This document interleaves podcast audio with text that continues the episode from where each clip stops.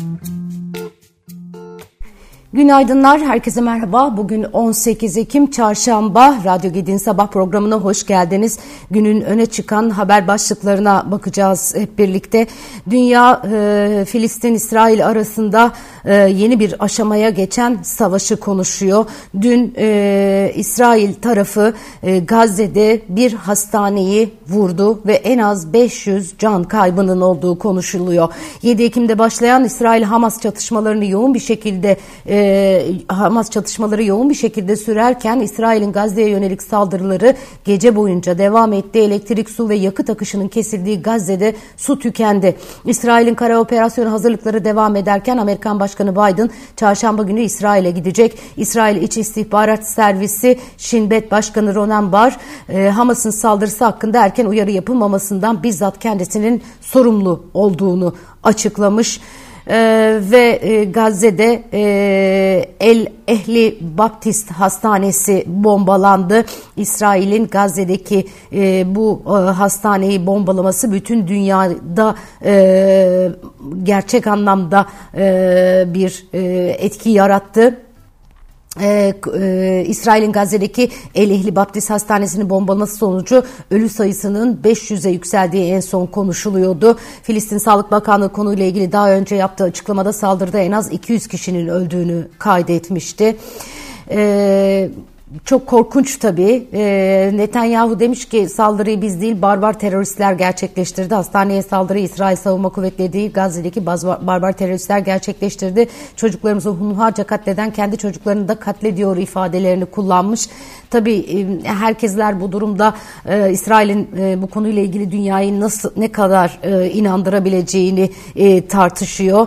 E, maalesef e, savaşın kaybedeni e, siviller oluyor. E, gerçekten e, korkunç, e, çok korkunç e, bir saldırı. E, savaş suçu e, olarak nitelendirilebileceğini yazıp çizenler var. Bugün Birleşmiş Milletler bu konuyla ilgili bir araya gelecekler.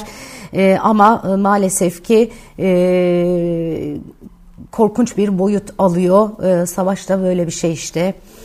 Cumhurbaşkanı Recep Tayyip Erdoğan, İsrail'in hastane saldırısıyla ilgili olarak yayınladığı mesaja vahşeti durdurmak için tüm insani insanlık harekete geçmeleri, geçmeli ifadelerini kullanmış. Sosyal medya e, hesabından içerisinde kadınların, çocukların, masum sivillerin olduğu bir hastaneyi vurmak İsrail'in en temel insani değerlerden yoksun saldırılarının son örneğidir. Gazze'de yaşanan ve tarihte benzeri olmayan bu vahşeti durdurmak için tüm insanlığı harekete geçmeye davet ediyorum. Öyle konuşmuş Cumhurbaşkanı Erdoğan da. Ee, bu arada Meclis Genel Kurulu'nda Irak ve Suriye'ye asker gönderme tezkeresinin süresinin iki yıl daha uzatılmasına ilişkin Cumhurbaşkanlığı tezkeresi kabul edildi. Cumhurbaşkanı Recep Tayyip Erdoğan'ın imzasıyla gönderilen tezkerede Türkiye'nin güney kara sınırlarına mücavir bölgelerde yaşanan gelişmeler ve süre giden çatışma ortamının milli güvenlik açısından taşıdığı risk ve tehditlerin artarak devam ettiği vurgulandı. Türkiye'nin komşusu Irak'ın toprak bütünlüğünün, milli birliğinin ve istikrarının korunmasına büyük önem atfettiğine e, dikkat dikkatin çekildiği tezkerede diğer taraftan Irak'ta PKK ve DAEŞ unsurlarının varlığını sürdürmesi, etnik temelli ayrılıkçılığa yönelik girişimler, bölgesel barışa, istikrara ve ülkemizin güvenliğine doğrudan tehdit oluşturmaktadır. Suriye'de sınırlarımıza mücavir alanlarda PKK, PYD, YPG ve DAEŞ başta olmak üzere mevcudiyetini sürdüren terör örgütleri ülkemize, ulusal güvenliğimize ve sivillere yönelik eylemlerini sürdürmektedir ifadesine yer verilmiş. Meclise sunulan 12. kalkınma planına göre emekli aylık bağlama sistemi yeniden düzenlenecek. Yeni plan doğrultusunda kişilerin istihdamda kalmasını teşvik eden düzenlemeler hayata geçirilecek. Aylık bağlama sistemi kişilerin daha çok istihdamda kalmasını teşvik edecek ve mali yük getirmeyecek şekilde yeniden düzenlenecek. Sosyal güvenlik sisteminin mali sürdürülebilirliğinin sağlanması için emeklilik kriterlerinin belirlenmesinde doğuşta beklenen yaşam süresi artışı ile e, uyumlu otomatik ayarlama mekanizmalarına ilişkin çalışmalar yapılacak. Nüfusun yaşlanmasının sosyal güvenlik sistemi üzerindeki etkilerinin azaltılması için bakım sigortası ve mesleki rehabilitasyon uygulamaları hayata geçirilecek. Yaşlı bakım hizmetlerinin finansmanı için bakım sigortası kurulacak. Türkiye'nin enflasyon, enflasyonla mücadele ve deprem etkisiyle hazırlanan 2024 bütçesi meclise sunuldu. Temel hedef ve tahminler orta vadeli programda olduğu gibi 11 trilyon 89 milyar lira harcama, 8 trilyon 437 milyar TL gelir ve 2 trilyon 652 milyar TL açık olarak yer aldı. Toplamda 11 trilyon 89 milyar liralık bütçe meclise sunuldu. Ee, diğer yandan e, Eğitim sistemimizle ilgili yeni bir e, düzenleme üzerinde konuşuluyor. E, maalesef çok sık düzenlemeler e, yapılıyor. Çocuklarımız da velilerimiz de epeyce bir yoruluyor. Şimdi e, illere göre ara tatil e, planı konuşuluyor. Milli Eğitim Bakanlığı tarafından ara tatil uygulamasına devam edilmesi halinde ara tatillerin bölgelere ve illere göre yapılması planlanıyormuş. Edinilen bilgilere göre deniyor. MEB tarafından hali hazırda devam eden ara tatil uygulamasının bu yıl gözlemlenmesi ve değerlendirilmesi verilmesinin ardından gelecek yıllarda uygulanıp uygulanmayacağı konusunda karar verilmesi öngörülüyor. İlk öğretim ve orta öğretimde ara tatil uygulamasının devam etmesi halinde bakanlıkça ara tatillerin bölgelere ve illere göre yapılması bekleniyor. Bu yılki değerlendirme sonucunda ara tatillerle ilgili olumsuz durum gözlenmesi durumunda ise ara tatil uygulamasından vazgeçilmesi öngörülüyor. İstanbul Büyükşehir Belediyesi e, e, sosyal medya hesabından İstanbul'da yaşayan yabancı nüfus sayısı ve konut sorunu ile ilgili verileri paylaşmış. İSKİ'nin su tüketim verilerine göre İstanbul'da yaklaşık 2,5 milyon yabancı yaşadığı belirtiliyor. E, İstanbul'daki yabancı sayısı tek başına bir şehir olsaydı Avrupa'nın en büyük 9. şehri olacaktı. Paris şehir merkezinde 2,1 milyon insan yaşarken Viyana nüfusu 1,9 milyon, Barcelona'da sadece 1,6 milyon insan yaşıyor. Yabancı uyruklu İSKİ abone sayısı 8 yılda yaklaşık 10 kat arttı. 2019 yılında 145 bin yabancı uyruklu abone varken bu sayı 255 bin 985'e çıktı deniyor. Gerçekten çok çarpıcı rakamlar. Tabii bunlar kayıtlı olan yabancıların sayısı e, çok daha fazlası e, olabilir. İzlediğimiz politikaların bir e, sonucu tabii bu.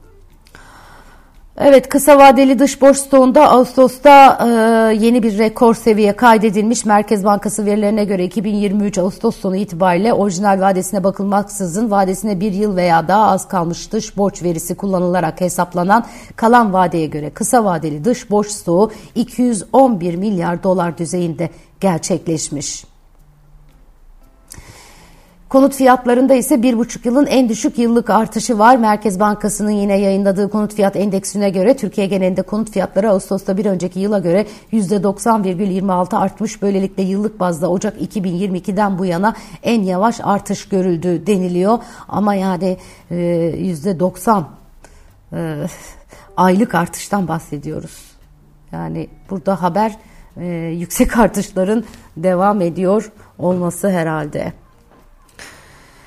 Evet, e, Cumhurbaşkanı Yardımcısı Cevdet Yılmaz 2024 bütçesinin giderlerinin 11 trilyon 89 milyon lira, gelirlerin 8 trilyon 437 milyar lira olarak öngörüldüğünü açıkladı. Bütçede deprem ve eğitim için birer trilyon e, lira ayrılmış durumda. Biraz önce rakamlardan e, bahsetmiştim size.